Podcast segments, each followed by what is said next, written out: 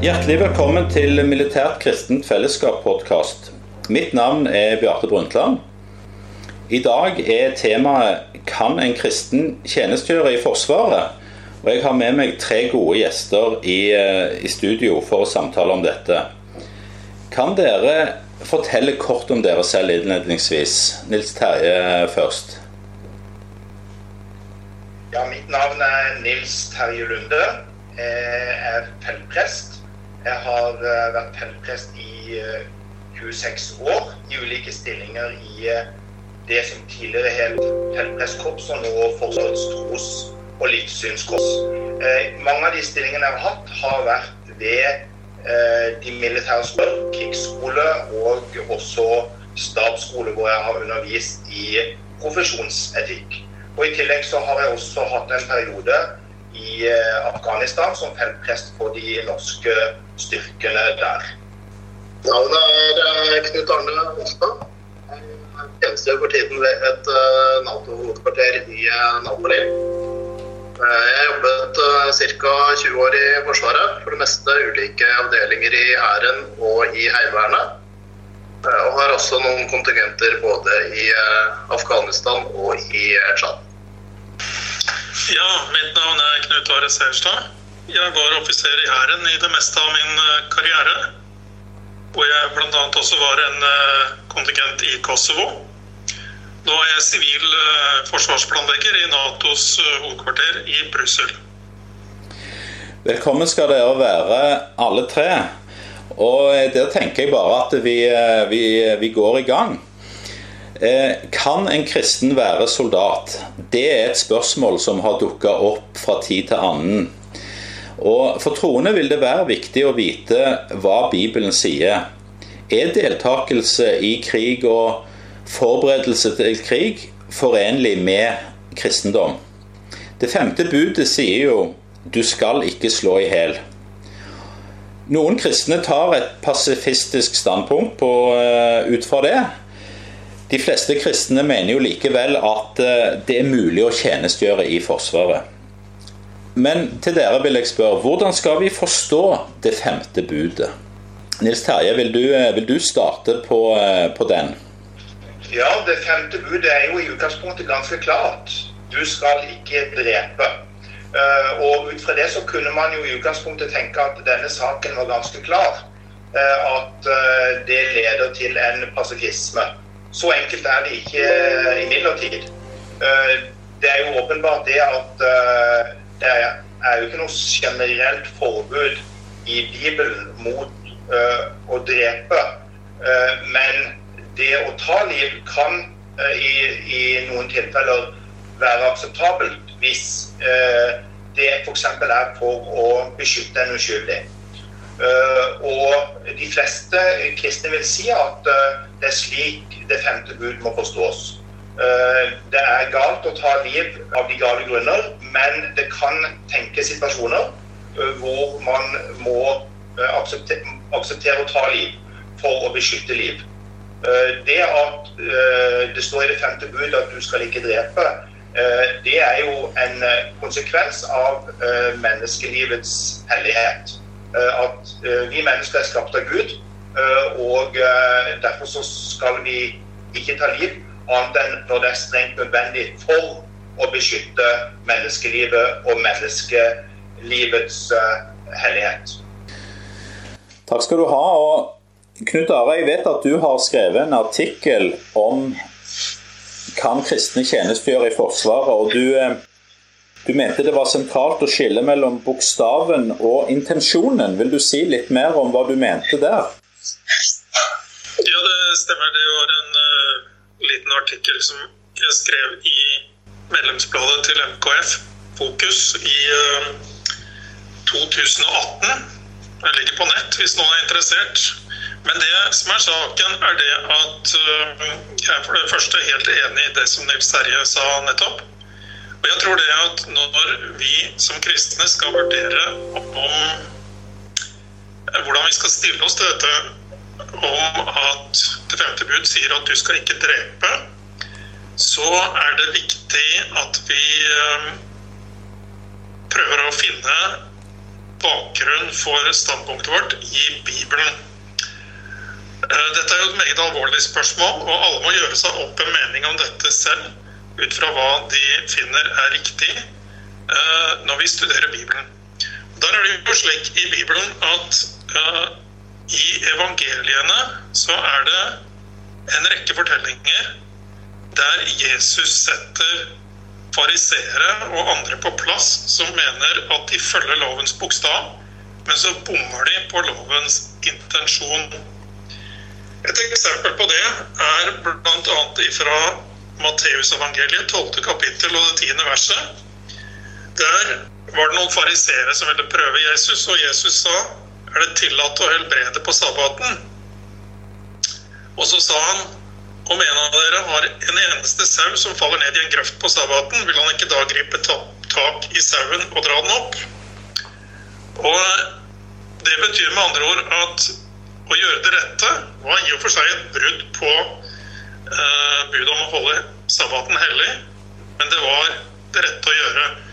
Og i vårt problem så er det slik at å forsvare vårt land og våre medmennesker eh, mot ondskap.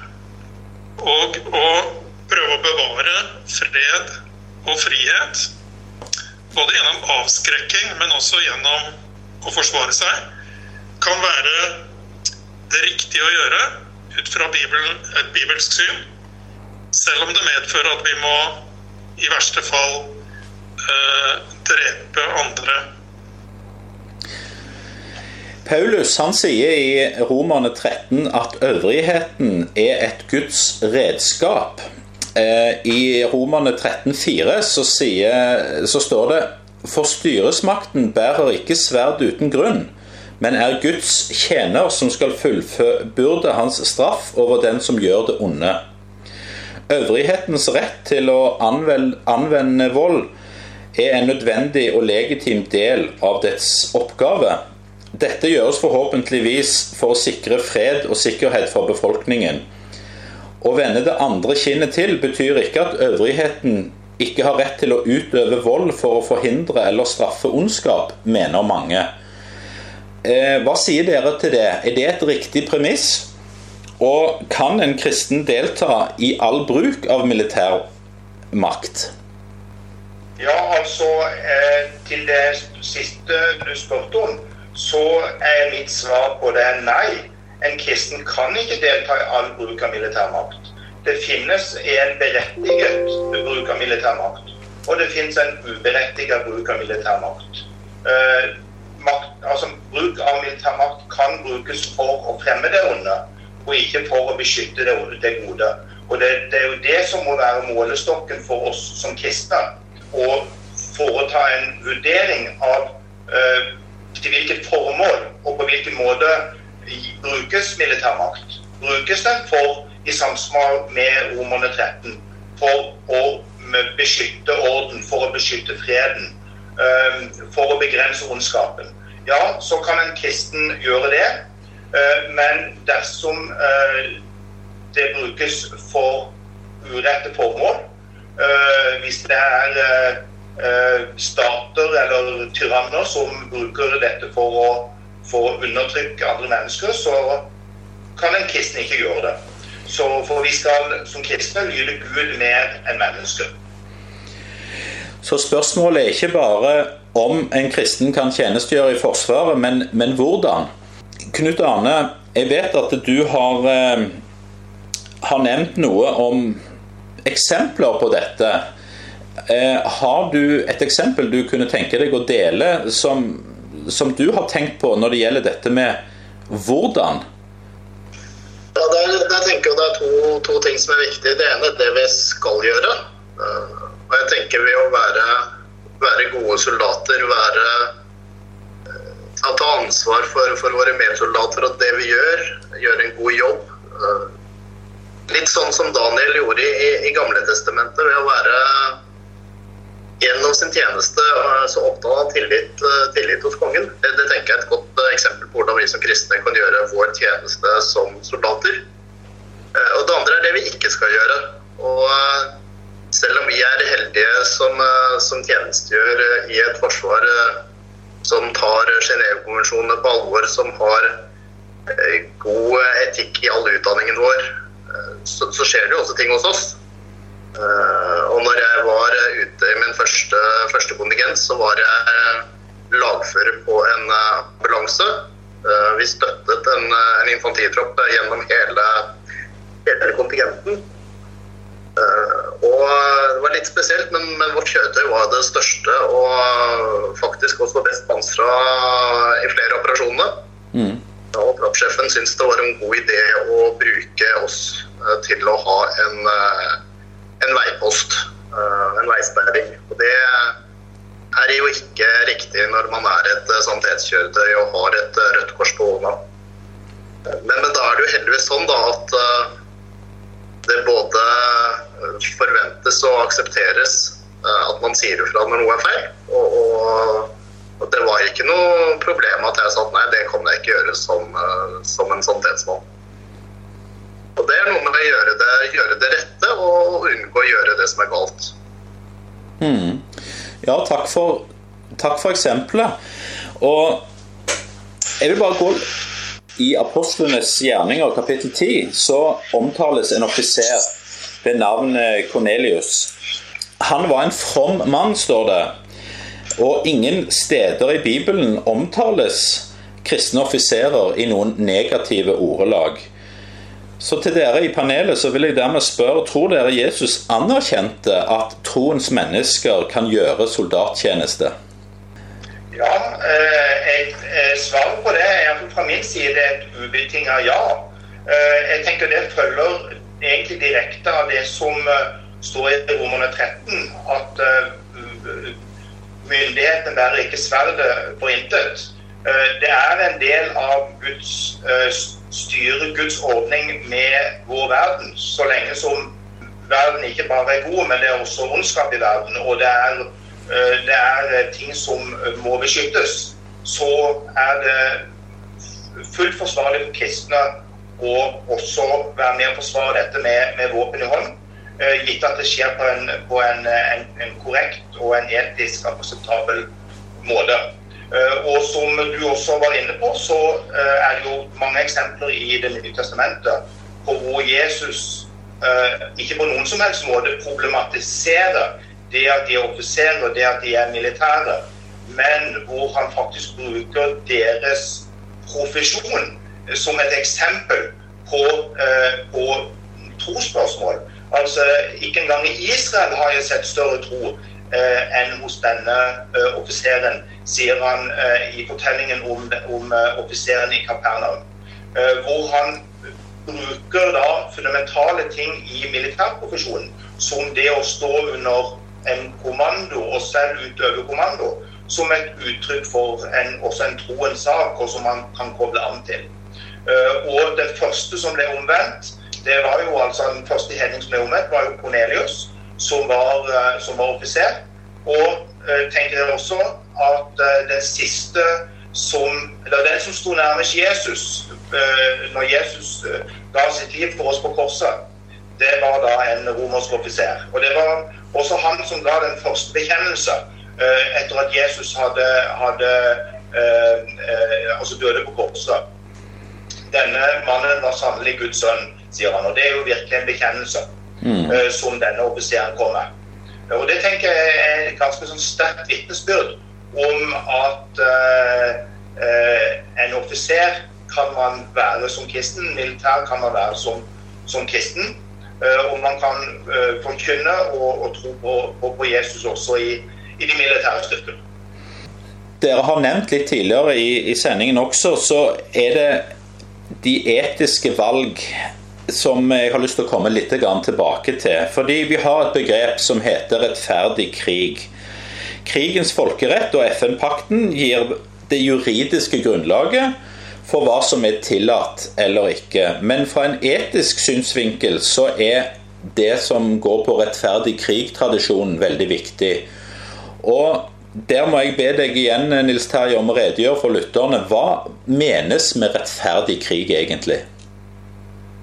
Ja, Rettferdig krig er jo egentlig en samlebetegnelse for egentlig en etisk måte å tenke om, om hvordan kan krig eller bruk av militærmakt være etisk akseptabelt.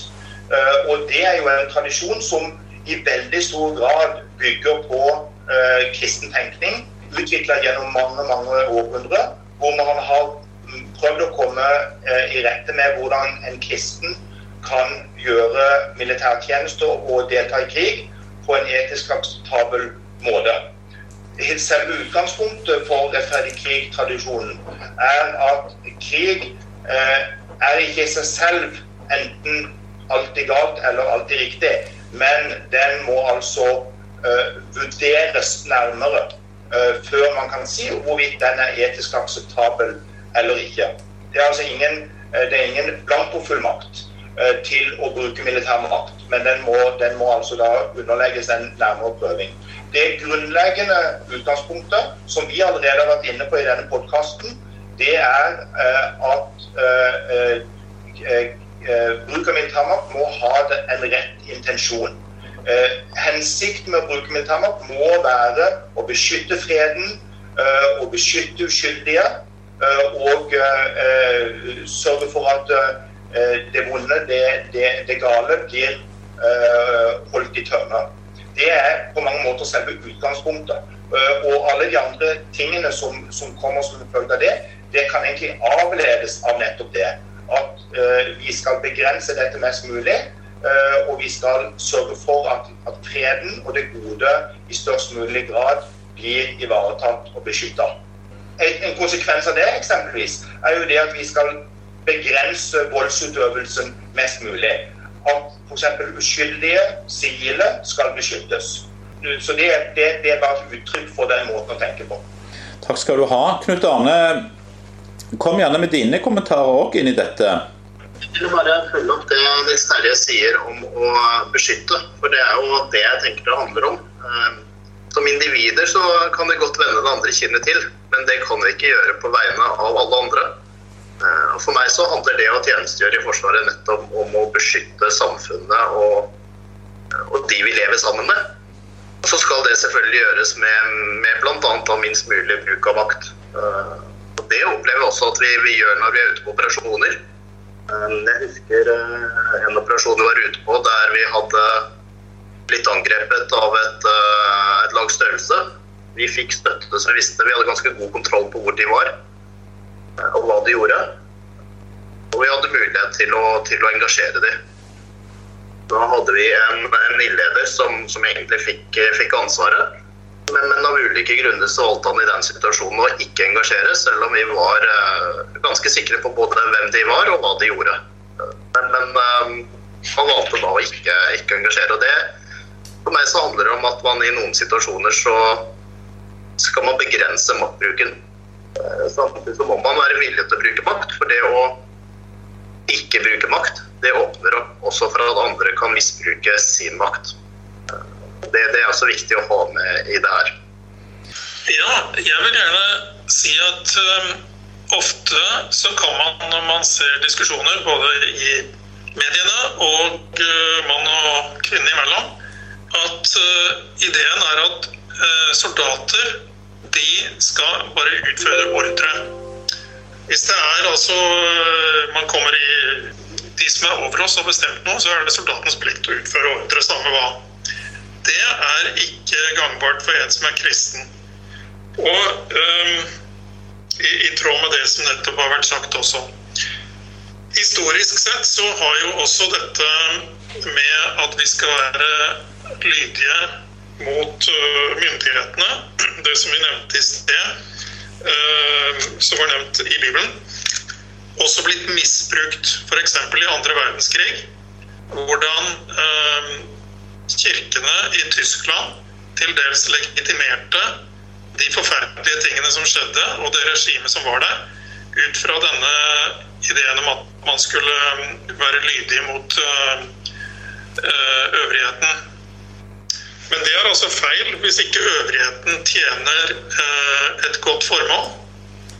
Et annet eksempel som eh, jeg leste i avisen bare noen dager før vi tok opp denne podkasten. Patriark Kirill, eh, som er leder for den russisk-ortodokse kirken, han uttalte forleden her Vær modige og utfør deres militære plikt. Husk at hvis dere dør for landet ditt, hvis du dør for landet ditt, vil du havne i Guds rike med ære og evig liv. Det er altså helt fullstendig feil. Det er ikke i henhold til Bibelens ord. Fordi når vi utøver vårt virke som militære, så skal vi altså tjene det gode. Og det er ikke Dette er jo ren hellig krig-tankegang. Omtrent som man ser det i, i begrunnelsen for jihad. Det har ikke noe rot i kristen lære og i, i Bibelen. Nå har dere gitt eh, kommentarer til eh, dette med rettferdig krig. Jeg har lyst til å komme litt tilbake til noe av det som du, Nils Terje, sa eh, om dette. For du nevnte med at eh, man må opptre på en etisk akseptabel måte. Men så er det jo slik at eh, i en strid så kan man trå feil utvikle moralske sår eh, og sitte med med en opplevelse at eh, det ble annerledes enn det som var de verdiene jeg ønsket å stå for, og at man kommer til vanskelige tanker. Nils Terje, i og med at du er prest, hva vil du si til de som måtte kjenne på moralske sår? Det er et veldig viktig tema du tar opp, eh, tar opp der. Ehm, allerede en av de tidligste kirkefedrene, Augustin, Eh, sa det at eh, de virkelig ondene i en krig, eh, når alt kommer til alt, det er ikke først og fremst de ytre ødeleggelsene, altså det vi kan se med våre øyne, men det er de indre ødeleggelsene som skjer med de som deltar i krig. Altså krig, krig setter dype spor i mennesket. Altså uansett hvordan man opptrer. Så, så er det også slik at man da i stridens hete, som du er inne på, kan da eh, gjøre ting eller være med på ting eller har ikke klart å hindre det som man ønsket å gjøre. Eh, det kan også få utfordringer rent samvittighetsmessig på hva man har vært med på. Eh, og noe av dette er jo slik at dette også dreier seg om juss. Altså at man, man, man, kan ha gjort, gjort altså overtrådt juridiske grenser. Eh, og det må selvfølgelig da ivaretas gjennom det juridiske system. Eh, men det vi egentlig snakker om her, er jo det som da ikke rent juridisk sett eh, er en, et problem eller en utfordring. Men det er det som kan gå på det mer indre samvittighetsmessige, etiske, hvor man opplever eller føler samvittighetsmessig at ikke dette var riktig. Men, men rent juridisk så, så, så, er dette innenfor de grensene som ligger der. Eh, da tenker jeg det er viktig at eh, man kan få løfte dette frem sammen med et, med et annet menneske som kan lytte på en. Eh, og i vår kristne tradisjon så har vi jo dette med skriftemålet og sjelesorg. Å kunne få lette sitt, sitt hjerte for en annen person. Det kan være en prest eller en annen medkristen. Og man kan også be om, om, om det som kalles for absolusjon, og be om Guds tilgivelse og velsignelse over sitt liv. For å legge det frem i Guds hender. Men det, det, det, det må altså ikke blandes sammen med den juridiske prosessen. Uh, det, er noe helt annet, og det må altså da skje på, langs de juridiske linjer. Men her snakker vi om den, den samvittighetsmessige delen av det. Jeg slutter meg helt til det som Nils Terje har sagt nå. Og jeg vil bare eh, nevne et løfte i Bibelen som sier noe om akkurat dette. Det står i Matteus 11. Eh, kapittel vers 28. Der står det Kom til meg, alle dere som strever og bærer tunge byrder, og jeg vil gi dere hvile.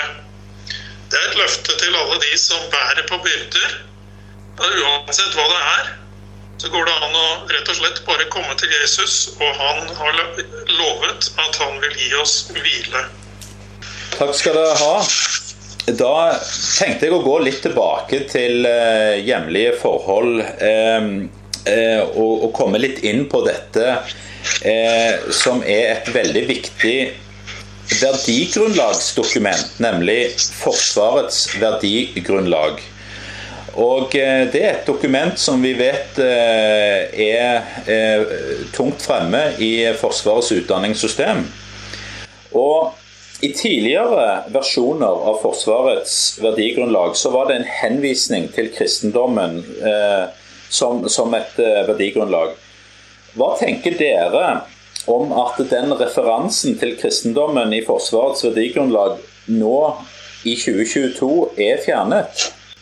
Ja, Det er riktig som du sier at uh, siden vi fikk vårt første verdigrunnlag uh, i 1998 Eh, og også videreført i, eh, i 2011, så eh, var det en henvisning til samfunnets kristne og humanistiske tradisjon innledningsvis. Og det tenker jeg er beklagelig at ikke det er videreført. Når det er sagt, så tenker jeg det er også viktig å holde opp at det som virkelig er viktig når det gjelder verdigrunnlaget til Forsvaret, det er jo det at Forsvarets verdigrunnlag hviler på statens verdigrunnlag. Og statens verdigrunnlag eh, er tydelig definert i Grunnloven.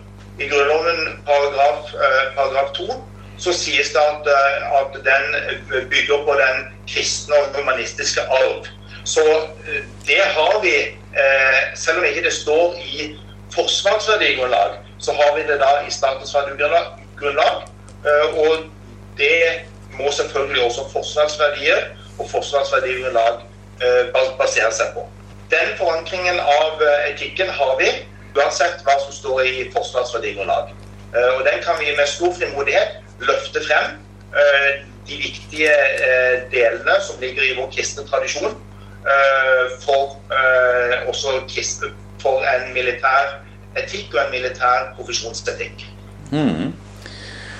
Veldig spennende. Vi har en eh, konstitusjonell forankring, kan du si. Eh, Knut Are? Ja, det er jo veldig viktig at vi er veldig bevisste på at staten Norge er ikke verdinøytral. Verdinøytralitet er jo nesten et honnørord nå for tiden, men den norske staten er ikke verdinøytral. Den er, som det står i Grunnloven, som Nils Terje sa, Eh, der står det verdigrunnlaget skal fremdeles være den kristne og humanistiske arven vår. Og det er jo relevant både for det vi snakker om nå, men også i grunnen for alt mulig. Varslingssaker og alt som har vært oppe i, den, i debatten i den senere tid. Forsvaret er ikke verdinøytralt. Det altså har et konkret verdigrunnlag. Og det er viktig at vi er bevisste på det. Fordi det hjelper jo ikke om det står i Grunnloven hvis uh, hvis vi ikke holder det opp i det daglige og minner hverandre på at uh, vi har faktisk et fundament som vi står på. Jeg sitter her med dere som har en uh, betydelig fartstid i aktiv tjeneste i Forsvaret. Og dere kristne har gjort egne vurderinger som tilsier at uh, man som kristen kan gjøre tjeneste i Forsvaret til beste for landet. Men jeg har lyst til å spørre dere om dere kan dele noen erfaringer som dere har hatt som kristne i Forsvaret. Har troen vært en styrke?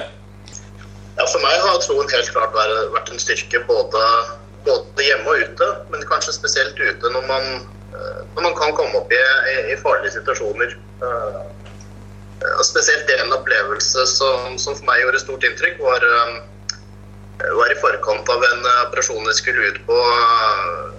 Vi skulle gå inn i en dal sør for, for Gurmach, der vi hadde visste at Taliban hadde tilholdssted. Vi regnet med å møte en del motstand, og, og vi visste at det var ganske stor sannsynlighet for at ikke alle kom tilbake. Eh, og det her var, eh, var i pinsen. Eh, så før vi reiste ut, så var det en feltgudstjeneste med nattverd. Og for meg så var det veldig trygt å kunne ha det før jeg reiste ut. Jeg visste at uansett hva som skjedde, så visste jeg hvor jeg kom fra. Jeg visste hvor jeg skulle. Og det, det tror jeg også var med på at jeg kunne fokusere på det jeg måtte fokusere på for å gjøre en, en god jobb. Så det ga deg en forankring i det du sto i der, i den situasjonen? Helt klart. Og det, det det tror jeg også ga meg en, en trygghet som, som, militær leder. som for meg var viktig. Takk skal du ha. Nils Terje, du var jo også i Afghanistan som feltprest. og hvordan opplevde du, opplevde du at troen var en styrke for den innfallsvinkelen du hadde inn i dette, i denne, i dette oppdraget? Ja, absolutt. Jeg opplevde jo det at troen på mange måter ble veldig sånn eh, aktualisert. Eh, både for min egen del, eh, hvor, hvor, hvor det, det, var helt sånn nødvendig å både ha kontakt med Guds ord og lese Guds ord og be. Men, men, men også for andre opplevde jeg at troen ble en, en, en, en, helt selvsagt ting for mange som ellers ikke man skulle tenke seg hadde så stor interesse på det.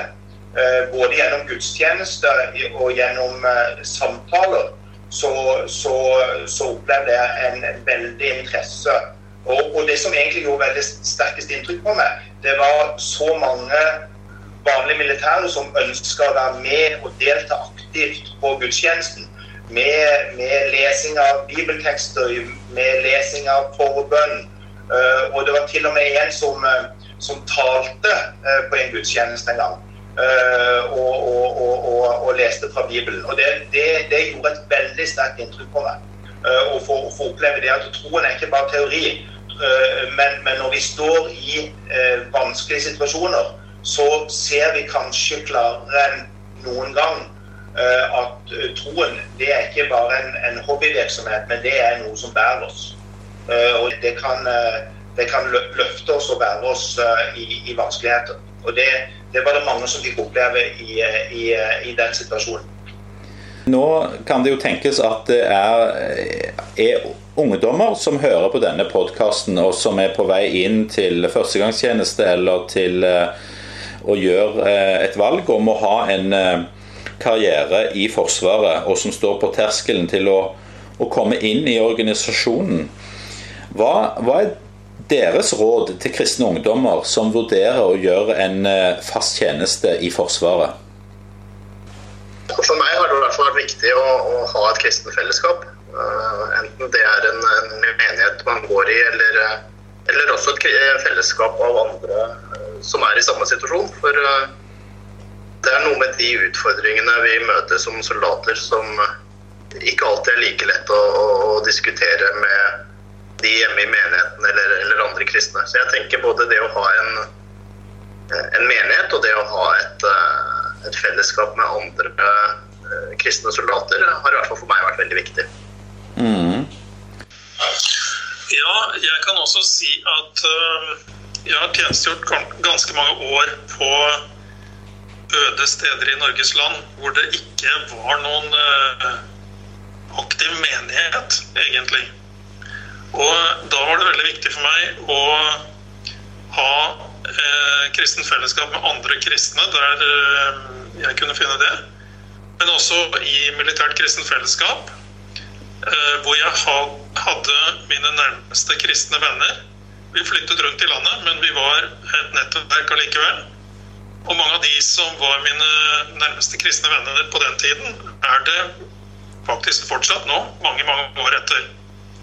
Så det er det jeg vil eh, altså si. Det er helt avgjørende å oppsøke kristen fellesskap der man er, hvis det går an. Eller i et større nettverk som MKF, eller for den del også med en hjemmemenighet, hvis det er eh, mulig. Ja, jeg vil bare slutte meg til det Knut Are sier, og spesielt løfte frem det han sier om eh, MKF, Militært kristent fellesskap, og den betydningen som eh, som, eh, som MKF har eh, for, eh, for, for, nettopp å kunne dele troen og, og kunne ha et kristent fellesskap. Jeg kan bare fortelle for min egen del som, som, som ny feltprest på, på Luftkrigsskolen i Trondheim. Det å gjennom flere år ha en MKF-gruppe med både kadetter og andre som tjenestegjorde i området, og kunne lese Bibelen sammen, kunne snakke sammen og kunne be sammen. Det betyr utrolig mye. Om ikke det finnes MKF-gruppe eh, alle steder, så er det viktig, altså, som også Knut sier, å, å oppsøke da et, uh, et kristen fellesskap. For kristne er man altså ikke bare alene, men det, det er noe vi også gjør i fellesskap. Et godt råd til eh, unge kristne som er på vei inn i Forsvaret, er å søke et kristent fellesskap, eh, altså. Og jeg eh, registrerer at i, i godt fellesskap her så går tiden fort. Jeg har lyst til å avslutte denne samtalen med å referere fra Jesu ord fra bergpreken i Matteus 5 vers 9, der han sier Salige er de som stifter fred, for de skal kalles Guds barn. Mange takk til dere for samtalen, og takk til alle som har hørt på oss. Følg oss gjerne på mkf.no og på Facebook. Ha en god dag.